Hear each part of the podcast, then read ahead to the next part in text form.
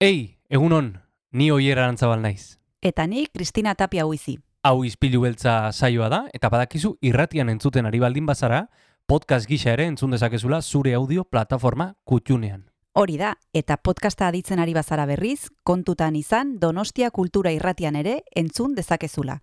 FM eundazazpi puntu lau frekuentzian. Sare sozialetan ere topatuko gaituzu noski, izpilu beltza bilatuta, Instagram, Facebook eta Twitterren. Besterik gabe, guazen gaurko saioarekin. Az gaitezen,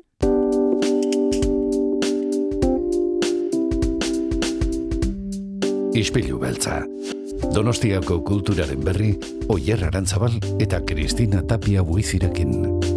Azaroak sortzi ditu, aste artea da, eta izpilu beltza entzuten ari zara, hemen Donostia Kultura irratian. Egunon, Kristina? egun oier, zer moduz? Ba, primeran, hemen e, goga hondiz e, gaurko gunari heltzeko, mm, Baita ni ere. bai ez da, bai ez Bai, da. gaurko gonbidatua ikusiko duzu ze bitxi, bueno, bi gonbidatu ditugu, batetik badekizue e, asteartea denez zinemari buruz arituko garela eta Kresalako Kresala Zineklubeko lagunak gonbidatzen ditugula asteartero asteartero eta gaur Pedro Saldañaren txanda da. E, Jean-Luc Godarden Weekend pelikularen inguruan arituko zaigu. Eta gero zientziari buruz oier arituko gara. Eta horretarako gonbidatu dugu Iker Aranjuelo, bera zesikeko ikertzailea da, Nafarroako Instituto Agrobioteknologikoan lan egiten du. Eta hitz egingo digu ba, gauza oso kurioso baten inguruan edo behintzat e, nik ez neukan e, buruan eta da nola klima aldaketak eragiten duen e, elikaduran. Eta adibidez kontatzen digu Nafarroan Aizu, eh, produkzioa Kristina, zu zientzia Bai. zalea zara? Bueno, zalea bai, ez naiz aditua gustatuko litzaidake, baino gustatzen zaite beraiekin hitz egitea ze gauza oso bitxiak ekartzen dizkigute ispilu beltzara eta gau klima aldaketa eta elikadura, ba nik uste dut interesgarria izango dela. Bueno, zaleak gara eta gainera balio digu momentu batez kultura e, esparru ezberdin batera gerturatzeko, beraz, gaurko saioa, aipatu bezala nahiko betea dugu, kresalako lagunekin eta Iker Aranjuelorekin, baina lehenengo jon, gartzia. Guazen bere baimerarekin gaurko ispilu beltzarekin. Guazen.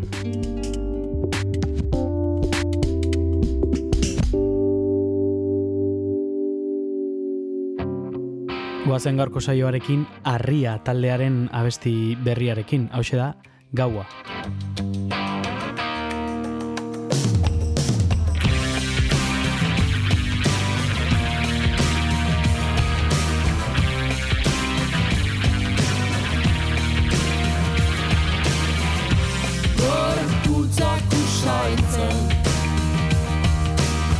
Bero pai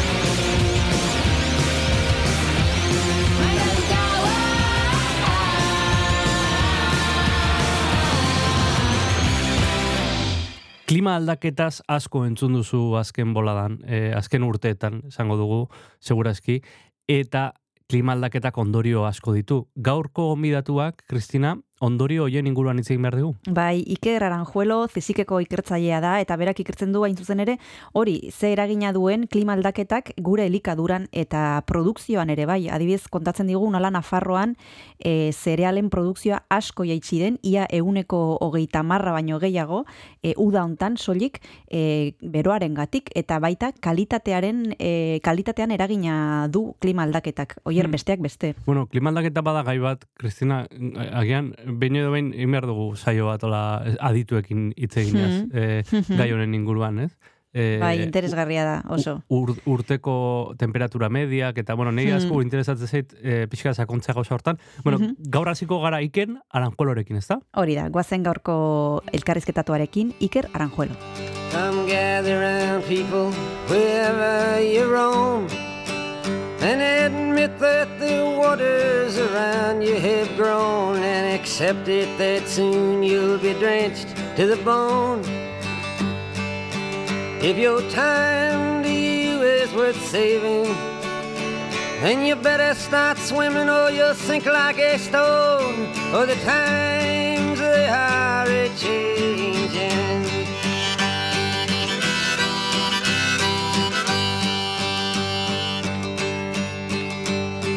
Writers and critics who prophesize with your pen.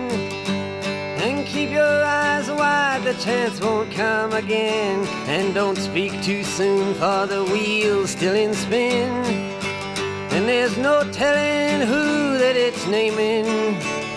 Was the loser now will be later to win. For the times they are a changing.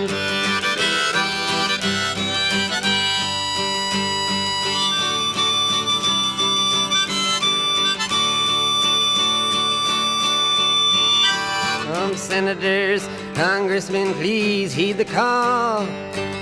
Don't stand in the doorway, don't block up the hall. For he that gets hurt will be he who has stalled. The battle outside raging will soon shake your windows and rattle your walls. For the times they are a changing.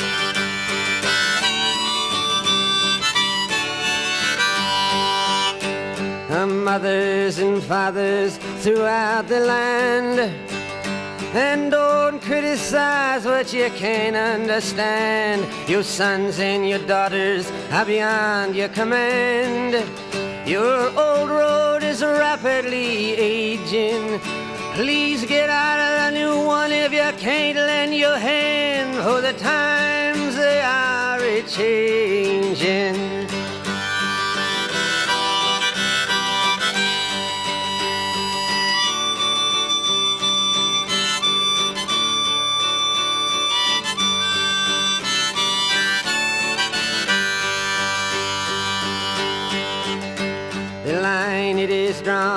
The curse it is cast. The slow one now will later be fast, as the present now will later be past. The order is rapidly fading, and the first one now will later be last. For the times they are a changing.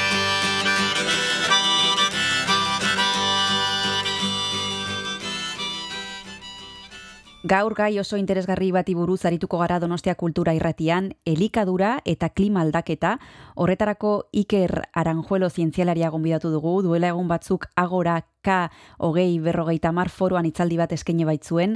Egunon Iker, ¿qué tal estás? Eh, un queso, bien, bien, todo bien. Bueno, eh, como decíamos en la introducción, vamos a hablar de un tema interesante, yo creo que el, del que no somos muy conscientes todavía, aunque poco a poco vamos escuchando cada vez más.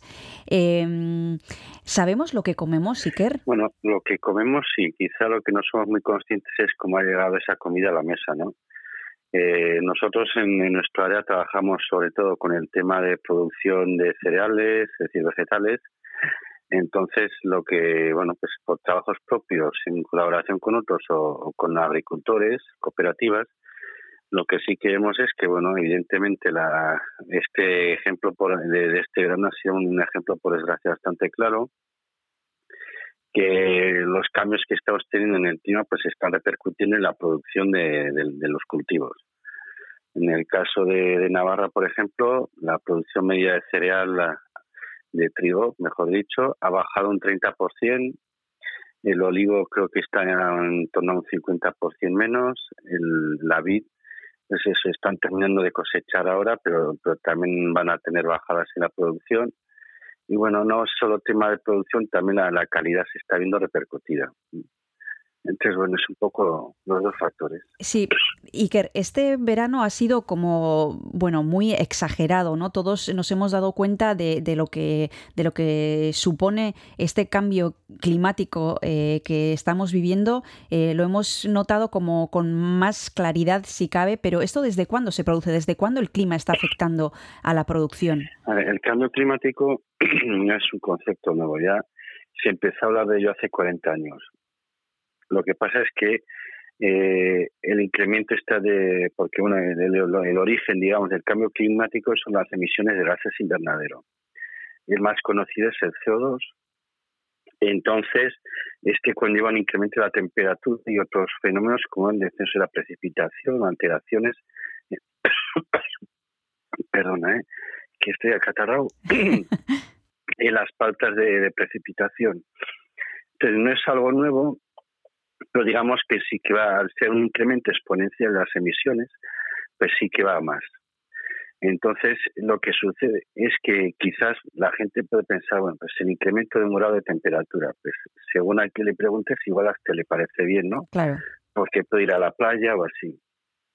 Pero al cultivo le puede suponer menor, una menor producción, un 20% de menor producción cada grado, que o en- entre 30 y 20 en función del cultivo, de, menor producción. Entonces, esto sí que es importante, no es solo cuestión de un grado más, que me gusta, me va bien, porque quiero ir a la playa, sino que tiene efectos en la producción de las plantas. Y esto, eh, Iker, según eh, vuestras investigaciones y lo que estáis viendo, ¿afecta por igual en todo el mundo? Has citado un par de ejemplos en Navarra, que nos lo tenemos aquí bien cerca, pero este descenso de la producción debido a los cambios en el clima, ¿afectan por igual en, la- en el- en otras partes del planeta? No, es más acentuado cuanto más al a zonas donde ya son más exigentes los, las condiciones de crecimiento, el efecto es mayor porque las plantas ya están más cerca del límite. De hecho, igual, según y cómo, en zonas donde, por ejemplo, te, hablo de, del cereal, ¿no? El cereal está condicionado en parte su cultivo por la temperatura. Si hace noches frías o así, pues el cultivo no crece bien. Entonces, igual hay zonas donde a día de hoy o hasta ahora no se podía cultivar porque la temperatura era demasiado baja. En este caso, el aumento de temperatura permitirá cultivar cereal en ese sitio. Pero eso es, digamos, el- los, los casos menos frecuentes.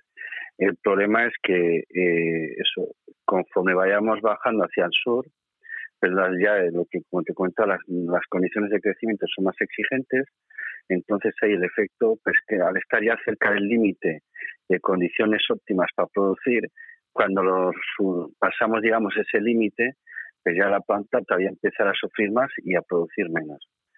Aquí, por ejemplo, tenemos un claro ejemplo en Navarra. En la cuenca de Pamplona es la, la zona de máxima producción, eh, entre otras cosas por las condiciones ambientales.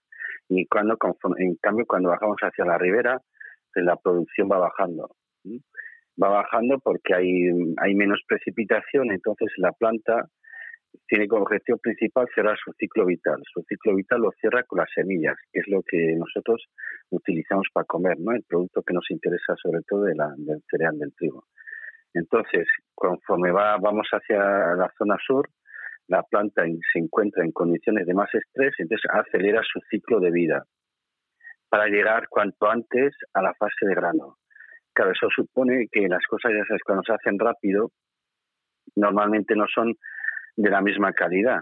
Entonces, ese grano, como no ha tenido un tiempo óptimo de llenado, pues va a ser un grano más pequeño y la producción más pequeña. Y eso en una comunidad Ya te estoy hablando de, Pamplona a la zona de Tudela, que puede haber 80 kilómetros, que es relativamente poco, pero ahí ya se ven unos efectos claros. Entonces, el impacto que podríamos tener en la zona sur va a ser más alto que el que podemos tener aquí.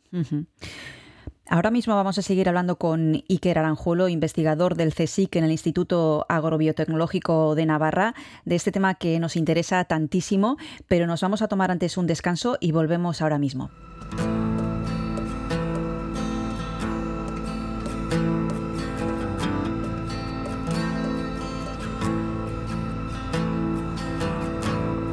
Oinentzungo duzun hau Oinentzungo duzun hau Oiukatzen zun auzoak Funtzionariari langileak Tabernariari mozkorrak. Oinentzungo duzun hau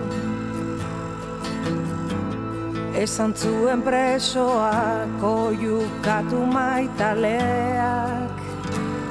Matxaienak lurrari Erizainari gaxoak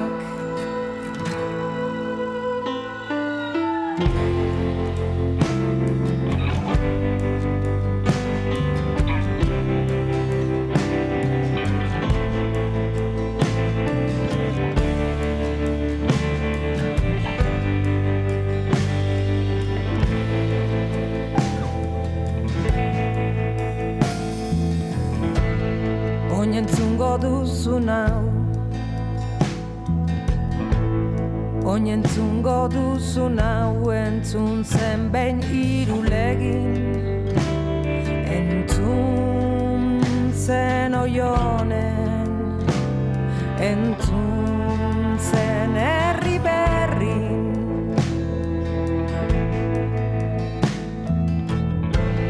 Ta gertatze arzena Ez da inoiz gertatuko gertatzen ari delako. Eta bada garaia Erreka oso bat edatzeko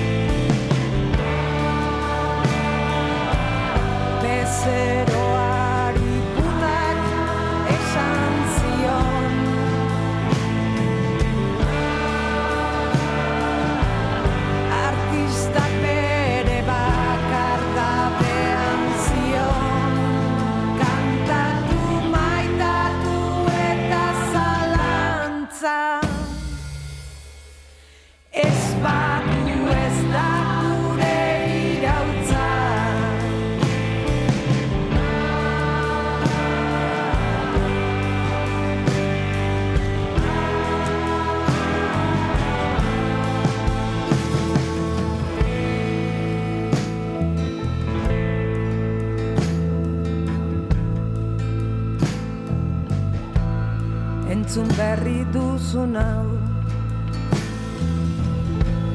Esan zuen herri batek esan zion munduari. Suhiltzaileak suizidari. Bizti gautarra Donostia kultura irratian jarraitzen duzu entzule eta gaur gaia oso interesgarria ekarri dugu ispilu beltzara. Ari gara hitz egiten klima aldaketaren inguruan eta elikaduraren inguruan eta horregatik gonbidatu dugu Iker Aranjuelo, e, bera zesikeko ikertzailea da. Estábamos hablando de lo que supone eh, un grado, ¿no? Que así dicho, pues dices, bueno, pues mejor para la playa o para lo que sea. Lo que supone eso, por ejemplo, estabas dando cifras de, Navarra, descensos de la producción desde un 20, un 30%.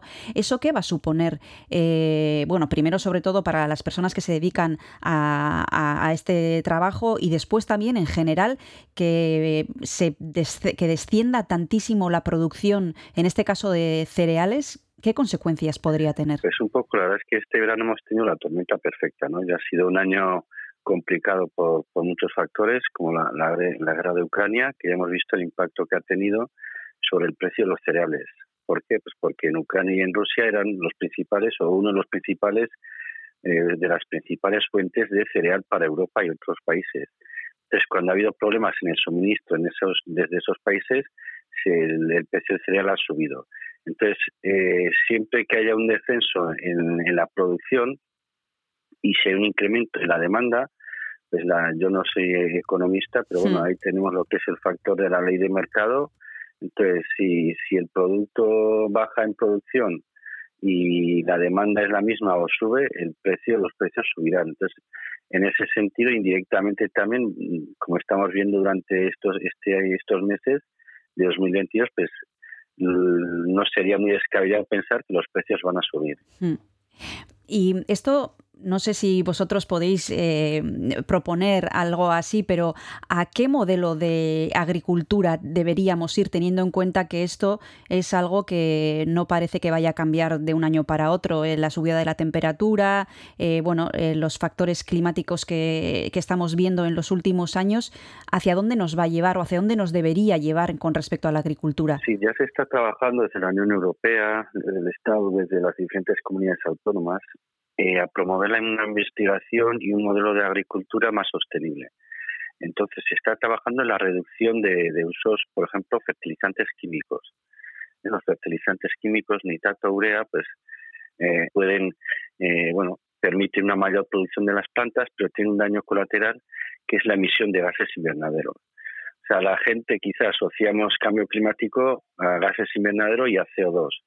Y a nivel cuantitativo de número de concentración de, gas sí que es el más importante. Pero luego tenemos otros gases que en menor concentración, como el óxido de nitrógeno, derivado de los fertilizantes químicos, pues es, también tiene un impacto muy fuerte. Entonces ya se está trabajando en reducir el uso de este tipo de fertilizantes y promover una agricultura basada, en- entre otros, pues en, en el uso de enmiendas orgánicas, estimulantes orgánicos, es decir, un tipo de fertilización que sea más respetuoso con el medio ambiente. Mm. ¿Y esto es más caro, Iker? No, de hecho no. Bueno, a ver, es cierto que en el contexto actual, ahora la, la síntesis de nitrato urea pues es un proceso eh, que, que requiere de una alta demanda energética. Entonces, eso, hablando con agricultores, creo que me han comentado, no sé, eh, andarán más o menos, eh, yo creo que por, se han triplicado o igual un poco más los precios de, de estos productos, eso porque son fuertemente dependientes de, de la electricidad. Entonces estas alternativas son más, eh, más económicas. El problema es que a veces la producción que tiene el cultivo con estos estas opciones alternativas es menor, es algo menor que el, el de el que hubieran tenido con un fertilizante químico. Y entonces al final, claro, el, objetivo del agricultor eh, y más el contexto actual eh, es el de producir cuanto más mejor. Es lógico, porque hay algunos cultivos que, que no se pagan muy bien. Entonces, eh, pues siempre va a máximas, a intentar eh, maximizar el beneficio, porque no olvidemos que el agricultor es su, su medio de vida. Entonces intenta pues que su, su balance de ingresos y, y gastos, pues sea lo más favorable a los, a los ingresos. Lógicamente. Entonces, eso es. Entonces, bueno, eh, pero sí, como te contaba, ya se está trabajando en alternativas que, que van a ir a más, eh, con las ayudas que, que estamos teniendo los agricultores también. Ahí tenemos la PAC, la famosa PAC, que ahora se, se, se ha renovado. Entonces, bueno, va, va favoreciendo este tipo de estrategias. También la rotación de cultivos, el uso de plantas de leguminosas, plantas que fertilizan el suelo de forma natural. Es decir, hay una serie de estrategias en las que ya algunas, ya los agricultores ya estaban trabajando anteriormente, como sistema de rotación, y, bueno, otra serie de aproximaciones tecnológicas en las que también se está trabajando. Nos vamos a tomar el segundo descanso, Iker. Ahora mismo vamos a seguir hablando contigo. Eh, volvemos enseguida.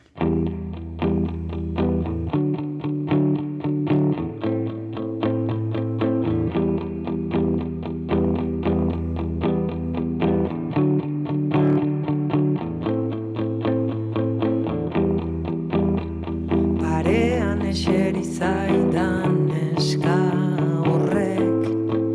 Ez daki Berak daraman jertxea erantziniola beste bati. Barrurantz begiratzen du berak leiotik Alako kotxe gorri baten aspaldi. Kotxe gorrikoak ikusi du kalea gurutzatzen. Biotzak salto egin dio giratu da eskerrak bera ez den. Ez dena bada beste norbaitentzat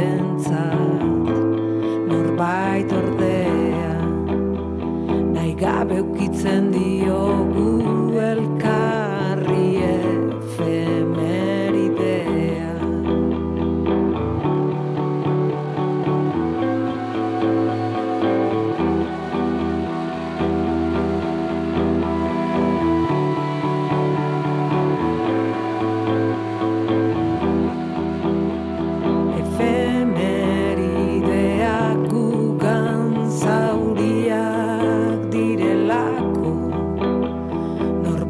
bakarrik minez ospatzen ditugulako.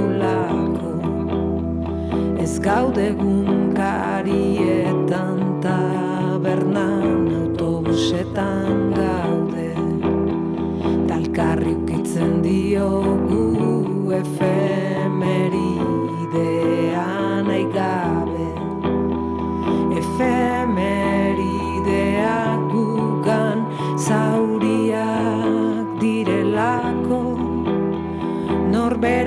bakarrik minez ospatzen ditugulako. Ez gaude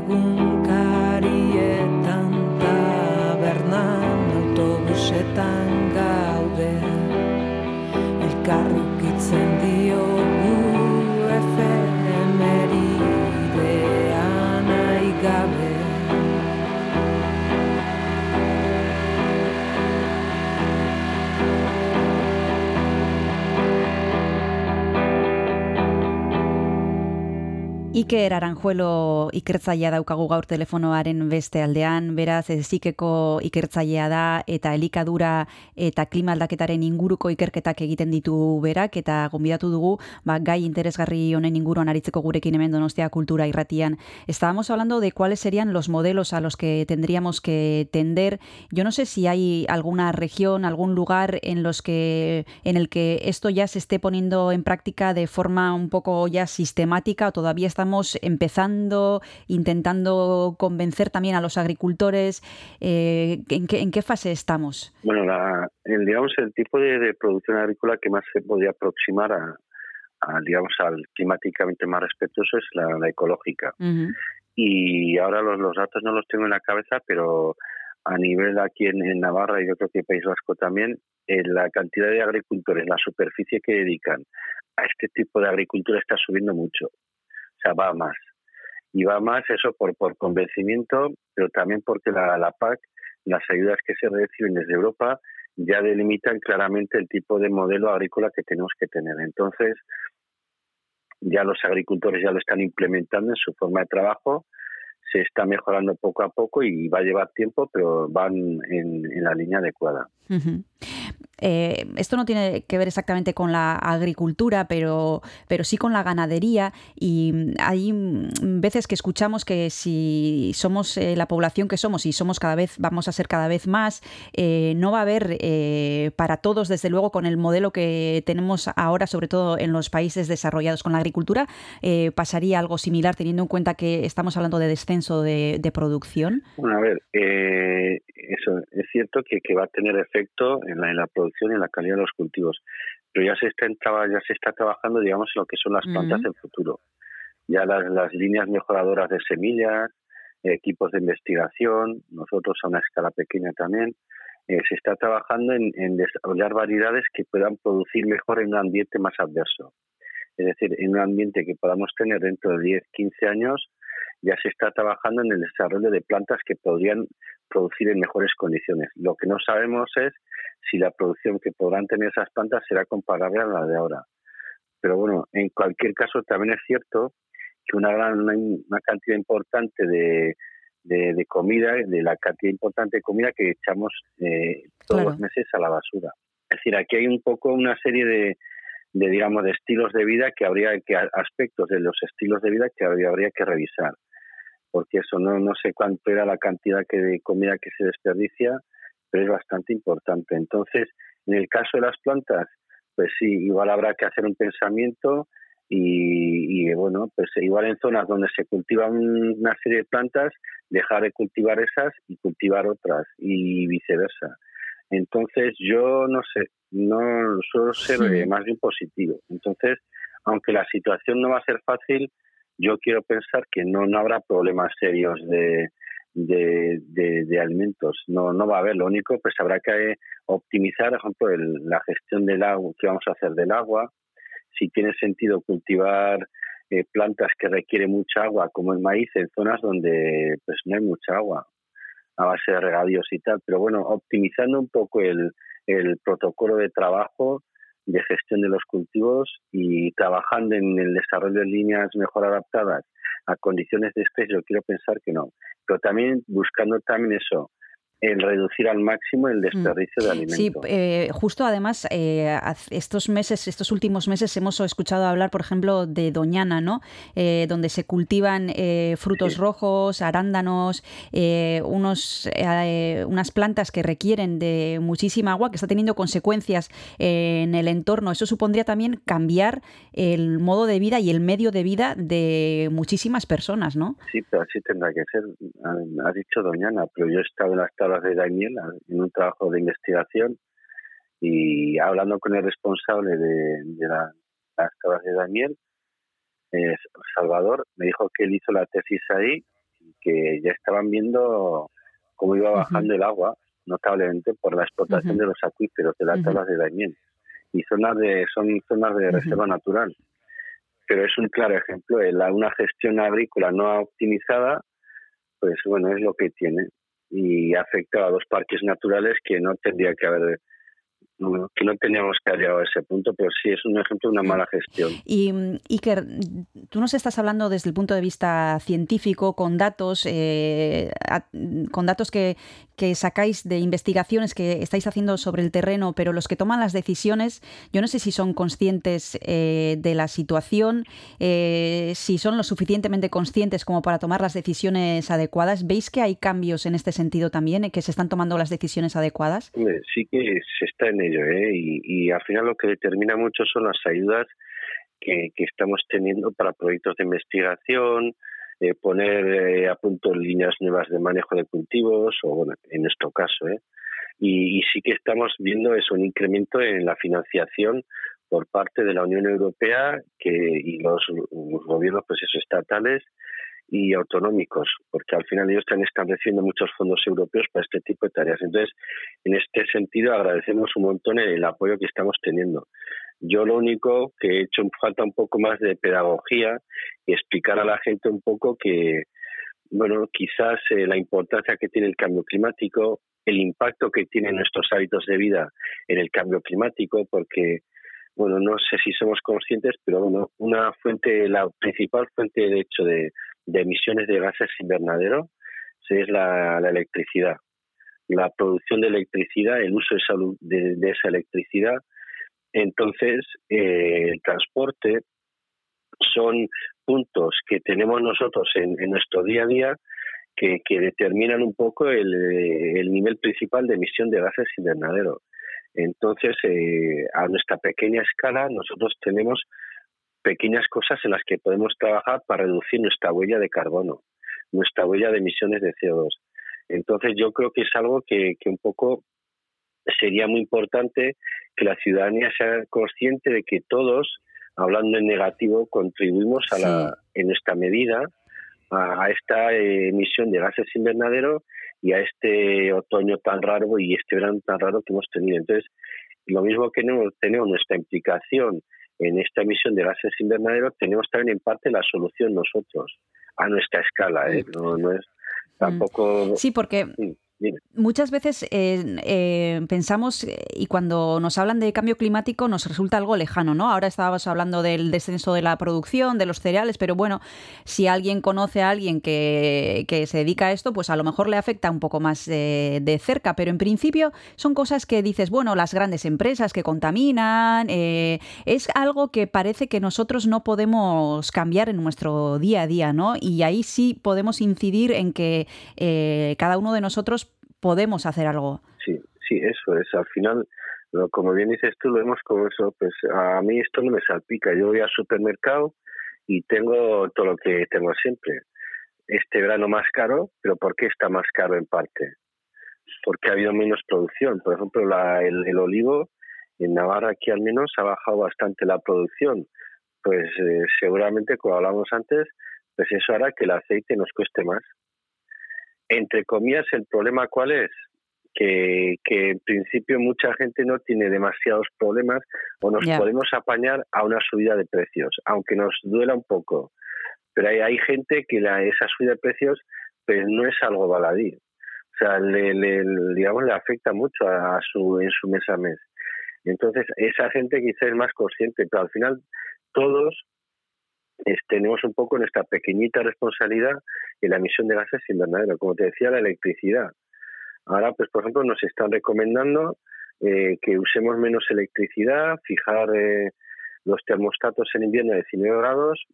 Eh, bueno, yo creo que es que eso, independientemente de que la el contexto actual de, la guerra de Ucrania, yo yo creo que tenía que tener tenía que haber sido así anteriormente. No tiene sentido que estemos Claro, que estemos en, en diciembre en casa con el termostato a 23, 24 grados y manga corta. Porque el gasto energético que estamos haciendo es mucho y esa, esa, esa energía que llega a nuestras casas es viene de un proceso de alta emisión de CO2. Entonces, eh, son cosas que podemos hacer. Esas recomendaciones que nos han dado ahora, pues eh, esperemos que tengan un efecto sobre las emisiones de gases invernaderos. Pero son cosas que podemos ir haciendo, pues eso, ir más, porque ya te digo, e, eso sí que está en nuestras manos. Luego hay otras cosas como la, la, industria y demás que también generan muchas, muchos gases porque emplean mucha electricidad. Pues bueno, ya se está trabajando en el desarrollo o promoción de renovables, de placas fotovoltaicas, se está, se está mejorando. Pero bueno, mientras no tengamos un sistema energético más sostenible, pues la mejor manera de no contaminar es usar menos electricidad. Bueno, pues con este mensaje positivo y con estos eh, pequeños, eh, con, esas pequeñas cosas que podemos hacer cada uno de nosotros, vamos a despedir a Iker Aranjuelo, investigador del CSIC en el Instituto Agrobiotecnológico de Navarra. Muchísimas gracias por las explicaciones. Un abrazo y hasta la próxima. muchas gracias a ti. Hasta luego. Hasta luego.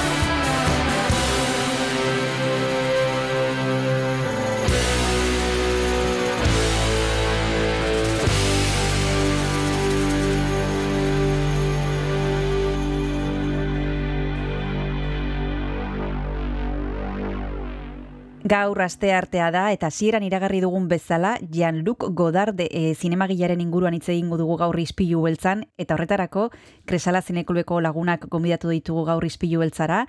Gaurkoan Pedro Saldañaren txanda da. Egunon Pedro, ¿qué tal estás? Hola, muy buenas, muy bien, gracias. Bueno, como hemos anunciado ya desde el principio, hoy nos vais a hablar de Jean-Luc Godard, de este autor francés y de una de sus películas, bueno, mm, no sé si más conocidas, porque como tiene tantas conocidas ya no sé, pero de, de Weekend y si te parece, Pedro, vamos a empezar por el principio.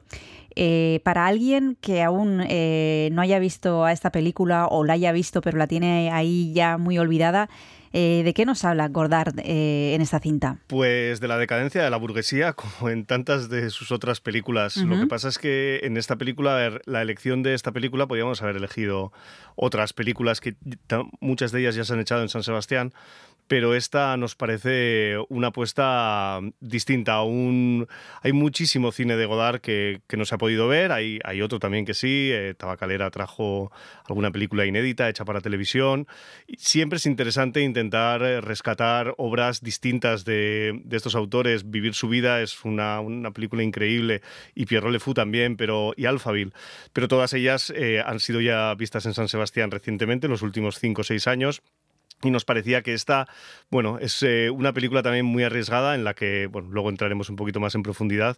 Eh, Godard fue un renovador del lenguaje cinematográfico, entonces, bueno, la práctica mayoría de sus obras se pueden encontrar auténticas joyas, bien del montaje, bien de la composición, etcétera.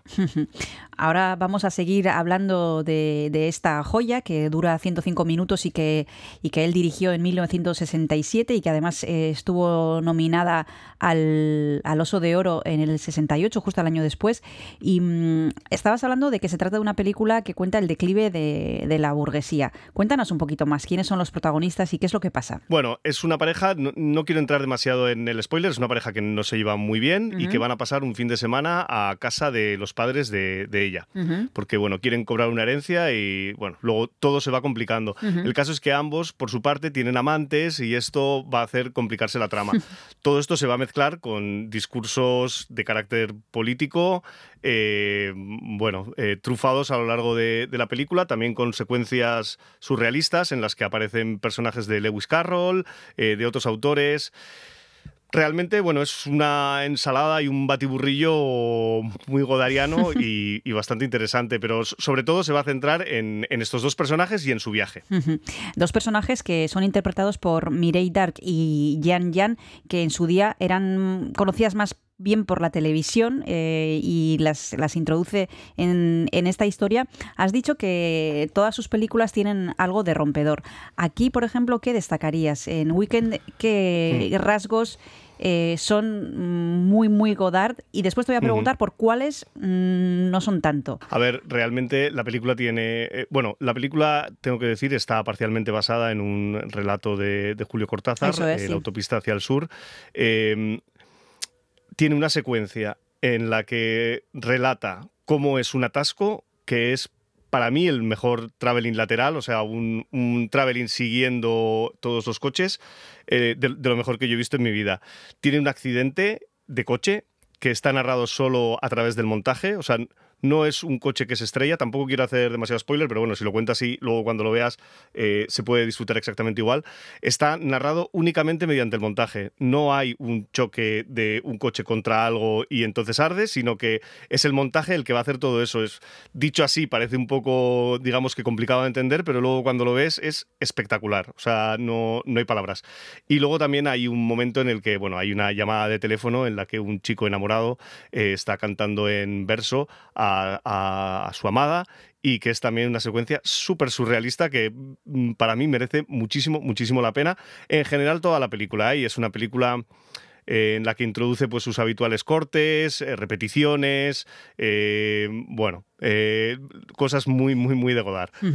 Ahora mismo vamos a seguir hablando de esta película de Jean-Luc Godard y nos vamos a tomar antes un descanso y para eso, Pedro, sabes que te voy a pedir que nos propongas una canción para compartir con los oyentes. ¿Qué has pensado para este descanso? Mm, yo, teniendo en cuenta que es un homenaje a, a, Godard esta sesión, puesto que ha fallecido recientemente, que no lo he dicho al principio, sí. eh, yo había pensado en poner dos canciones de, de una de sus mejores obras eh, interpretadas por Ana Karina. Uh -huh. de, de, de Pierrot Le Fou, la primera Malin de Chance. Perfecto, pues vamos a escucharla. Moi j'ai une toute petite ligne de chance.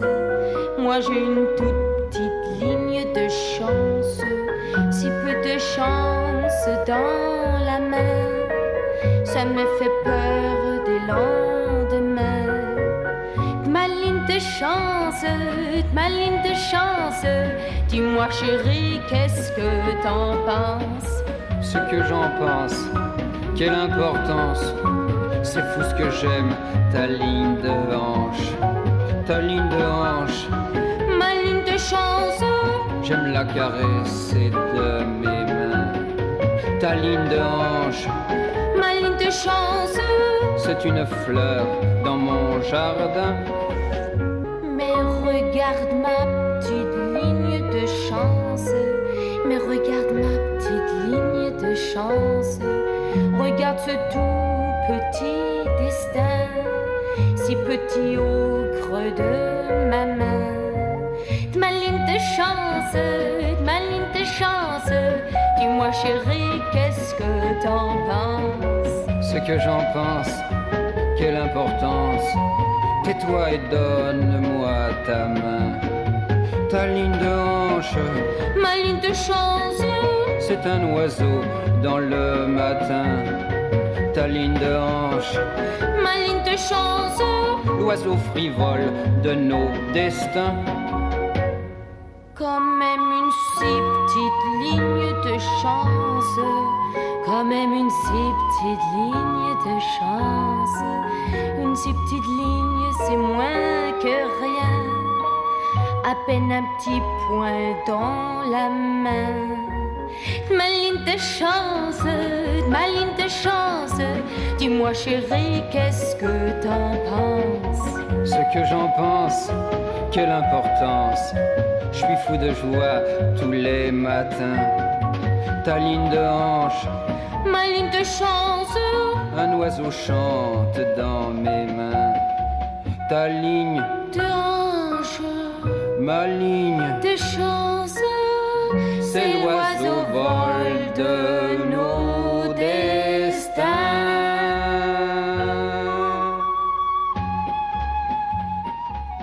Gaur zinemari buruz hitz egiten ari garamen izpilu beltzan eta horretarako Kresala Zineklubeko laguna gomidatu ditugu. Omenalditxo bat egina izan diote Jean-Luc Godardi, e, justu e, irailean hil zen e, zinemagile frantsesa eta proiektatuko dute e, Zineklubean Weekend izeneko pelikular ginen pelikularen inguruan hitz egiten. Estábamos hablando de cuáles son esas características que a lo largo de la película podemos ver y que son la seña de identidad de, de Godard, pero ¿hay algo que en esta película haya utilizado que no sea hasta entonces no era muy, muy propio de él? Mm, Bueno, claro, por ejemplo, la secuencia que te he comentado de- del coche, yo no la había visto nunca. En todas sus películas anteriores no había visto algo así. He visto cosas eh, en, en montaje, con los travelings también, que hacen que son bastante eh, impresionantes, pero en esta película eh, hay algunas cosas que son las, las que he comentado que... son renovadoras del lenguaje, o sea, son nuevas maneras de filmar las cosas. Hasta ahora, pues como he dicho antes, un accidente es un coche, se estrella contra algo y ya está, pero es que aquí va a estar narrado de una manera completamente distinta. Luego también la película eh, ya lo va a notar el espectador y, está planteada también así. Eh, es una película de altibajos. Hay un momento al principio como de explosión, de, de pelea, de eh, intentos de asesinato, etcétera, y luego va a haber una secuencia como de cinco o seis minutos de un personaje hablando, bueno, dos personajes hablando sobre sus intimidades, que de repente corta con, con todo eso y luego nos vamos a ir otra vez a otra secuencia en la que eh, la realidad y, todo lo que ocurre vuelve a ser desgarrador y luego volveremos a otra secuencia en la que otra vez un pequeño bajón, digamos que tiene como una estructura de, parque de atracciones en las que a veces eh, estás cayendo y otras un poquito más, vamos a decir, aburridas o, digamos que tienen otro tono eh, en las que estás, bueno, pues subiendo para luego volver a bajar. Eh, ¿A ti qué es lo que más, más te gusta de esta película? ¿Es la que vosotros habéis elegido para hacer este Ujú. pequeño homenaje al autor? Eh, de todo, ¿qué es lo que destacarías tú, Pedro? Pues una de las cosas que destacaría es que, en mi opinión, está al, mismo nivel que, sus grandes obras. Eh, él ya había hecho para este entonces las que están consideradas pues, sus grandes obras, como El Desprecio, eh, eh, por supuesto al final de la escapada, su primera película, que es una película también totalmente rompedora. Y digamos que a cada película le sigue, sigue intentando renovar el lenguaje. De hecho, una, yo creo que fue su última película, que se titulaba Adiós al lenguaje. Eh, él se considera, bueno, es considerado uno de los mayores renovadores del, lenguaje cinematográfico, allá por finales de los 50 y los 60. Todo esto empezó antes con eh, los Rossellini, etcétera, con el neorrealismo italiano, con la manera de rodar. Se vieron obligados, lo, los neorrealistas ahora, me refiero a ellos, se vieron obligados a rodar de una manera muy determinada porque las circunstancias que tenían, una vez acabada la Segunda Guerra Mundial, no tenían un sistema de estudios como existía en Hollywood. Entonces eh, decidieron romper con, con la tradición, por decirlo de alguna manera, y empezar a hacer un cine de otra manera. Y eh, Callers du Cinema, la revista en la que trabajaron Truffaut, etcétera, y muchísimos otros eh, cineastas, eh, empezaron a, darse cuenta de que, de que, el cine podía ir por otro lado completamente distinto. Tan es así que después en Hollywood hubo directores a los que luego, digamos que mutilaron, por decirlo así, como puede ser Sam Peckinpah, eh, estoy pensando también en John Frankenheimer, que hacían un cine realmente rompedor y muy, muy, muy distinto a Don Siegel también en el, profesional, por ejemplo, eh, tiene películas que mm, digamos que Godard y, la Nouvelle Vague supusieron una punta de lanza y cada película que saca lo que pasa es que cada película también en muchas ocasiones es más críptica que la anterior. Hay muchos momentos en los que exige al espectador mucho más a veces de, de lo que como espectadores podemos llegar a, darle. Él, digamos que en ese sentido es un cineasta total. Eh, cuando hablas de que, se, de que exige al espectador más de lo que le podemos dar, ¿eso en qué se traduce? Eh, Pedro, nos, al, ¿es posible que haya quien nos escuche que no controla demasiado la filmografía de, este cineasta y eso se traduce en que es difícil, en que nos va a costar entender eh, sus trabajos. Más bien en que hay momentos en los que no entiendes por qué estás viendo lo que, lo que estás viendo. Tiene otros momentos que son, digamos, muchísimo más accesibles y mucho más para mí lúcidos o, o, por lo menos más fácilmente accesibles en los que yo realmente comulgo 100%, o sea, cosas que se entienden simplemente cuando las ves. Hay otras que las entiendes si, si tienes un conocimiento previo de algunas cosas. Si, por ejemplo, él puede poner un discurso marxista en un momento determinado, eh, claro, si tú sabes que es un discurso marxista, puedes entenderlo de una manera, pero si no, bueno, es un tío metiendo un rollo que no entiendo muy bien qué hace. Entonces, eh, en ese sentido, hay momentos momentos en los que se puede hacer más inaccesible, pero yo siempre insisto, para mí lo realmente importante es cómo aborda el lenguaje cinematográfico. Yo recuerdo que una de las mejores cosas que, una de las, uno de los mejores momentos de, de Godard, de los que a mí más me gustan, está en Pierre Le Fou, y hace algo que yo no había visto o que yo no he visto en ninguna película hasta ese momento, y es eh, genera un momento de tensión, van a robar un coche, entonces sube la, música, mm, ya sabéis, o sea, la, música que se oye de una banda sonora, la, va subiendo, creando tensión, y en el momento en el que abre la puerta del coche para robarlo, la quita. Y eso lo que hace es, te genera todavía más tensión, porque eh, tú estabas esperando que ese crescendo siguiese eh, como sigue, y de repente se corta, dejándote digamos que todavía más nervioso, todavía más eh, expectante de, de, qué es lo que va a ocurrir. Y a mí esa clase de cosas son las que me parecen que realmente conectan con el espectador y que son capaces de transmitirle exactamente lo que le quieres transmitir en ese momento. ¿Cuál es tu favorita, Pedro? A mí es que me gusta mucho, mucho, mucho Weekend. Me parece una peli muy, muy especial. Pero bueno, Pierrot Le Fou me encanta. En Pierrot Le Fou, por ejemplo, hay una frase eh, que dice algo así como, eh, hay un momento en el que están con, con, unos americanos y dice, los americanos son tremendos. Eh, te invaden, te dan una Coca-Cola y te obligan a darles las gracias. y claro, es un poco la idea del, imperialismo y demás. Y, y, claro, a mí esa frase, por ejemplo, yo cuando la escuché fue como, hostia, qué, qué bueno. O sea, qué, qué análisis más lúcido, simplista también, pero qué lúcido. Pues ahora mismo vamos a seguir, si te parece, hablando de Weekend. Pero nos vamos a tomar el segundo descanso y te voy a pedir que nos digas cuál era la, la segunda canción que habías pensado. Es eh, otra canción de la banda sonora de Pierre Le Fou, también interpretada por Ana Karina. Eh, lo voy a decir en francés, pues es que me va a salir fatal, que es Llamé, Llené, Tadi, que, bueno, llamé Jeanette Daddy. Perfecto, pues vamos a escucharla.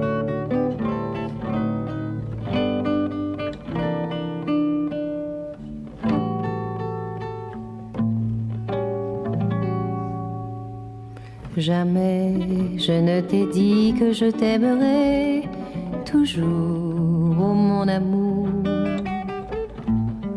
Jamais tu ne m'as promis de m'adorer toute la vie.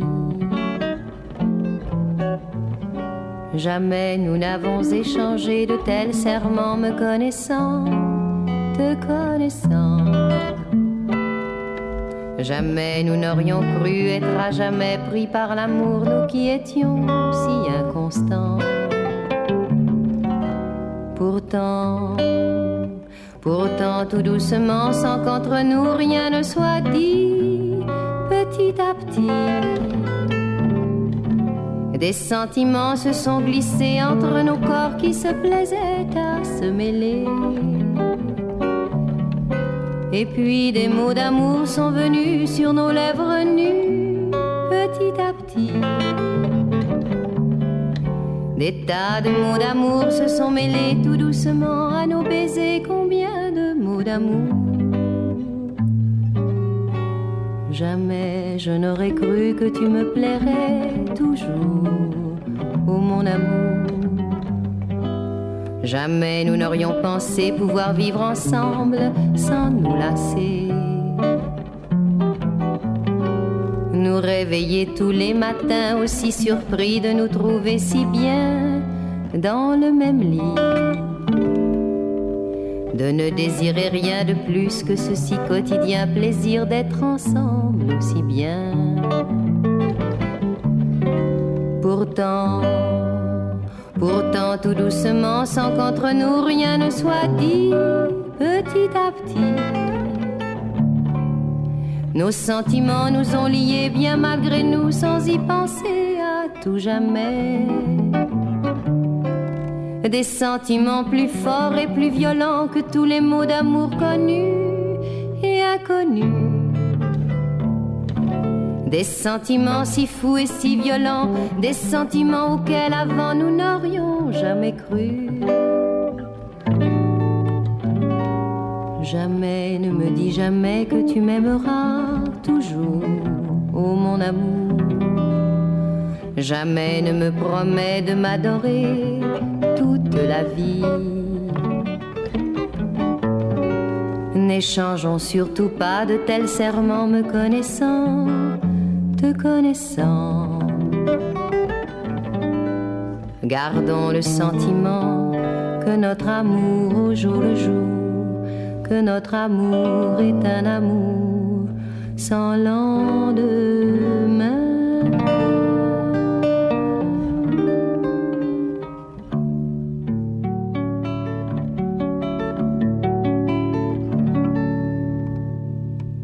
Donostia kultura irratian jarraitzen duzu, entzule izpilu eltzan gaude, eta gaur zinemari buruz hitz egiten ari gara Pedro Saldañarekin telefonoaren beste aldean dago, eta gaur Jean-Luc Godarden Weekend pelikularen inguruan arituko gara, ze proiektatuko dute trueba zinemetan arratsaldeko zazpiterrietan e, beti bezala, omenalditxo bat egina izan diote zuzendari frantsesari, e, izan ere irailean e, zendu zen. Estábamos hablando de, de Weekend, esa película que tal vez sea la favorita de la filmografía de Godard. Hablaba de los nuevos lenguajes cinematográficos, Pedro, y me gustaría saber, en tu opinión, esos lenguajes cinematográficos, a qué autores han marcado posteriormente y cómo podemos ver esas eh, señas de identidad tan propias de él en, en otros trabajos de, de otros cineastas. Sí, antes ya he mencionado, por ejemplo, Sam Peckinpah es uno de los que yo creo que, o sea, toda la nueva ola y, en mi opinión, especialmente Godard, se, se nota. eh, de una manera súper particular. Eh, sobre todo sus primeras películas, eh, bueno, La huida, eh, Pat Garrett y el Niño, eh, son películas, por ejemplo, la- las muertes se muestran en la cámara lenta. Desnaturalizándolo, o sea, haciendo, eh, quiero decir, luego eso es que luego eh, la cámara lenta, por ejemplo, se ha utilizado en infinidad de ocasiones para muchísimas otras cosas, pero Sam Peckinpah lo utilizaba en, en momentos de acción y desnaturalizaba la acción, o sea, la, no ocurre en tiempo real, sino que ocurre de otra manera. Estoy pensando también, por ejemplo, eh, Quentin Tarantino, un director que me fascina, eh, su, productora era Banda Part, que es una de las películas de, Godard, que por cierto también en Banda... Godard también era un tío, es un tío muy, muy especial, pues como muy chulo. O sea, es muy bueno y muy chulo. No, qui- no quiero establecer tampoco esta comparación porque es un poco frívola, pero es un poco rollo Cristiano Ronaldo. O sea, muy bueno y muy chulo. En, en Banda Part, a mí me encanta, ¿eh? porque en Banda Part, al principio en los créditos, bueno, pues eh, quién sale, no sé qué, la película, y cuando va a poner el director pone Jean-Luc Cinema Godard. O sea, el tío, digamos que, que se da una importancia a sí mismo que en mi opinión está en consonancia con la importancia que tiene, pero claro, que visto desde fuera puede parecer un poco arrogante. Pero luego hay otros directores también que han mostrado su fascinación, Wes Anderson y ahora mismo mm, no te sabría decir alguno que, haya eh, dado declaraciones sobre él, pero eh, su influencia en el cine y también su enemistad, por ejemplo, mítica con, con Billy Wilder, eh, es, bueno, pues notorio y también es verdad que a veces los directores muchas veces eh, pueden ser reticentes a hablar bien de un director o de otro, etcétera, pero al final, eh, cuando, cuando tú ves una película y esa película te impacta de, de alguna manera, eso si eres un cineasta o si vas a ser un cineasta, eso de alguna manera lo, lo canalizas y lo conviertes en tuyo y le das una nueva dimensión y una, y una nueva realidad. No lo copias, sino que lo adaptas a tu propio estilo. Y esto, bueno, ya digo, en, en Tarantino y en muchísimos otros directores eh, está bastante claro. Su filmografía, como hemos dicho antes, Pedro, es extensísima. eh, Más de 130 obras dirigió Jean-Luc Godard y mm, vosotros como expertos en cine y, que controláis muchísimo a este autor, eh, diríais que el nivel por decirlo de alguna manera, es eh, similar o mantuvo eh, la excelencia en todos sus proyectos? ¿O hay algún proyecto que, bueno, que decae?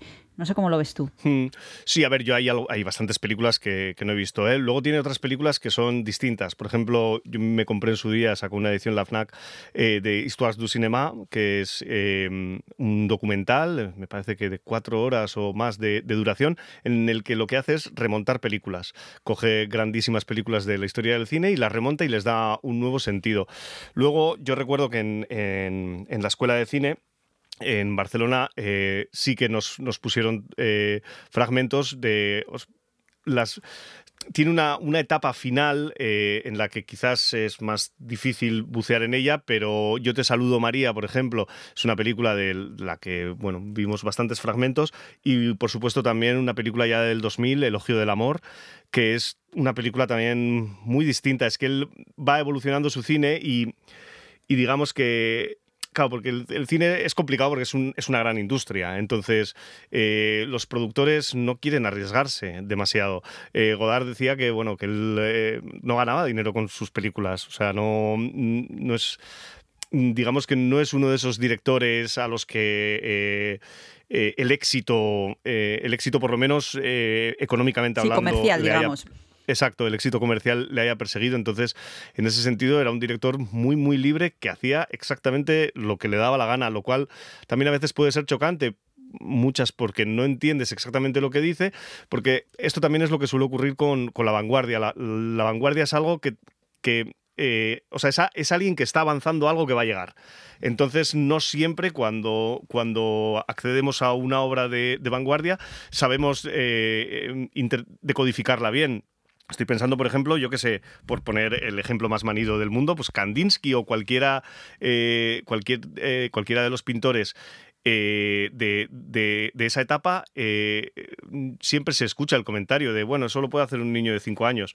Y hombre, no, no creo que sea tan sencillo. También es verdad que luego eso entronca con otra realidad y es que no sé si, si te habrás enterado que eh, la semana pasada creo que fue, eh, descubrieron que un Mondrian eh, llevaban eh, no sé cuántos años colgándolo al revés. Que, eh, deben haber descubierto una foto de la modelo de no sé quién eh, en el que lo tenía puesto de la otra Guau. manera y claro, o sea, quiero decir, hasta qué punto eh, eh, a veces creemos entender lo que Claro. realmente no entendemos para nada. Claro. Bueno, a nosotros no nos queda más que invitar a los oyentes a que se acerquen esta tarde eh, a los cines Trueba, como hemos dicho, porque van a proyectar eh, Weekend a las siete y media de la tarde de Jean-Luc Godard y después supongo que os quedaréis un ratito para charlar eh, sobre la peli. ¿A quién le toca a Pedro presentarla? A mí. Qué bien. Pues Sí, como, sí, sí. como decimos eh, siempre que hablamos con, con vosotros, con los miembros de- del club, del Cineclub eh, Cresala, eh, ahí también es donde se cuece una parte, si no es la más interesante de, de- de una proyección así, que es poder hablar, poder charlar y poder compartir las impresiones que uno ha tenido después de, después de ver la película. Muchísimas gracias, Pedro Saldaña, por haberte acercado a Ispillu Beltza. Un abrazo y hasta la próxima. Muchas gracias a vosotros. Un abrazo. Agur.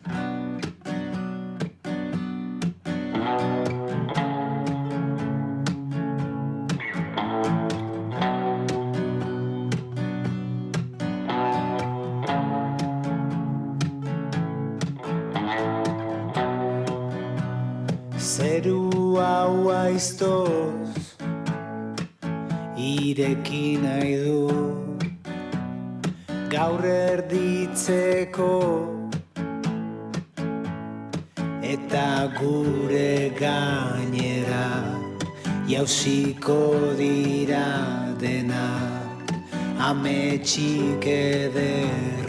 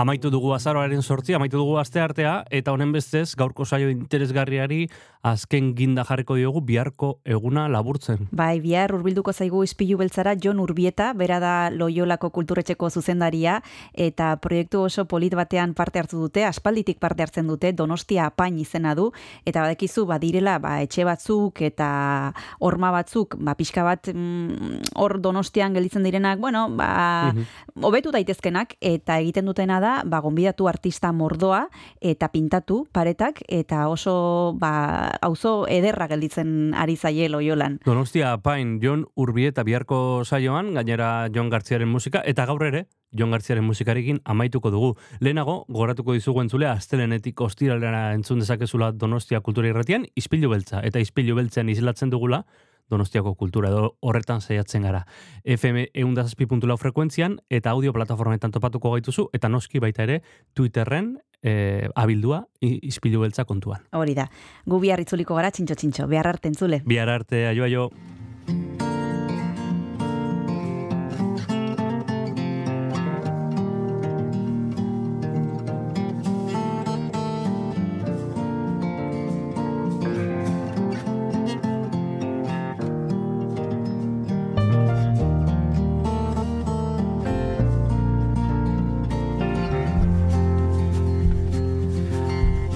Is how I tell it.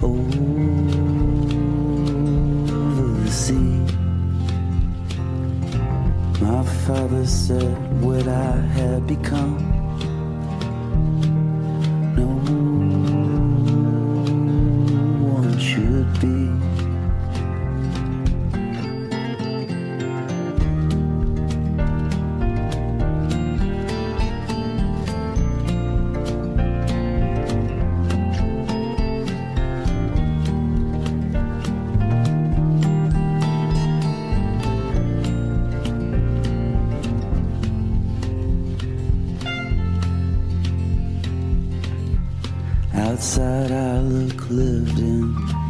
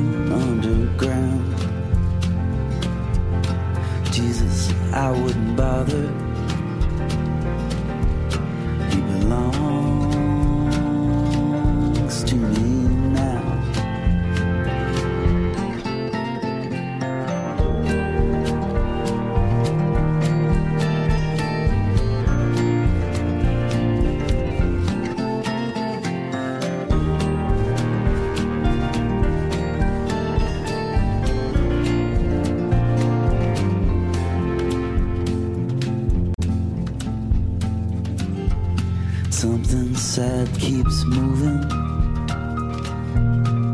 So I wandered around. I fell in love with the bird.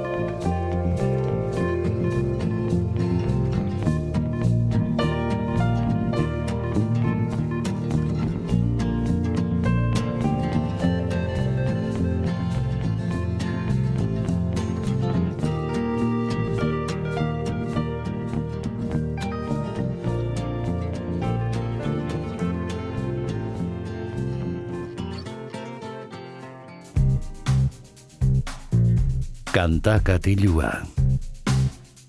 Jon Gartziaren eskutik. Kaixo entzule ongietorri kantakatilura izpilu beltzaren amaierara iritsi gara eta egunero egunero egiten dugun moduan ba, musika pintxatuko dizuegu espero dugu zuen gustokoa izatea behintzat eh, batzuen gustokoa izatea eta gaurkoan blusa jorratuko dugu Marcos Untzetaren disko berriarekin e, orantxe kaleratu berri du ekilibrista izeneko lana eta izen bereko kantu berarekin hasten da diskoa ekilibrista kantuarekin.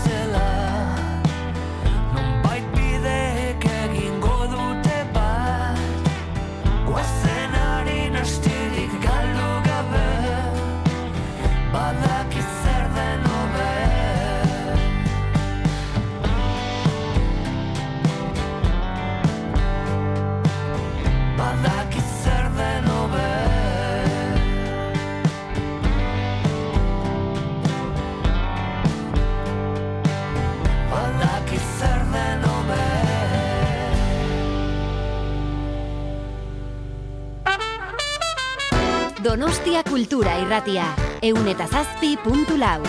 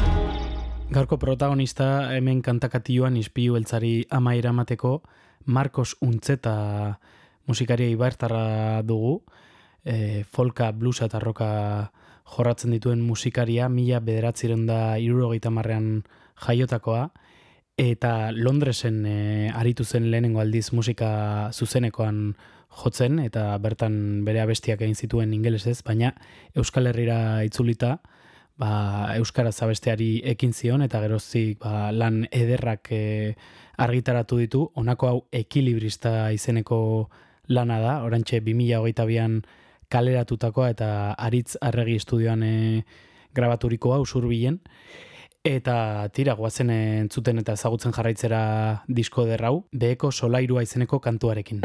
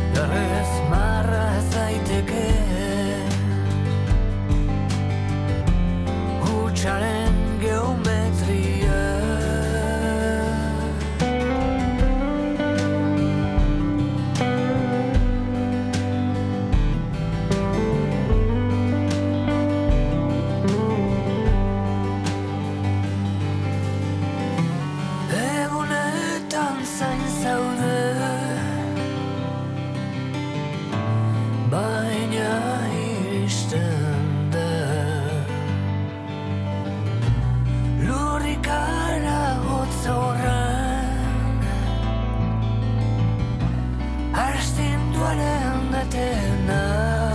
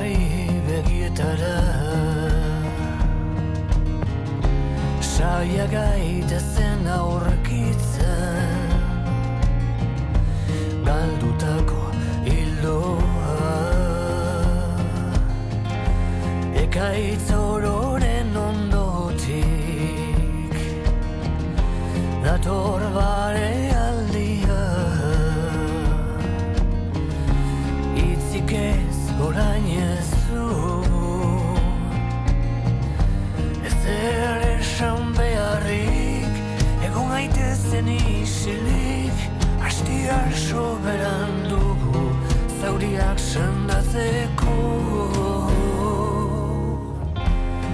Begira dezagun batek Bestearen bihotzea Nola gutxinak aindarretzen. Doan argiaren distira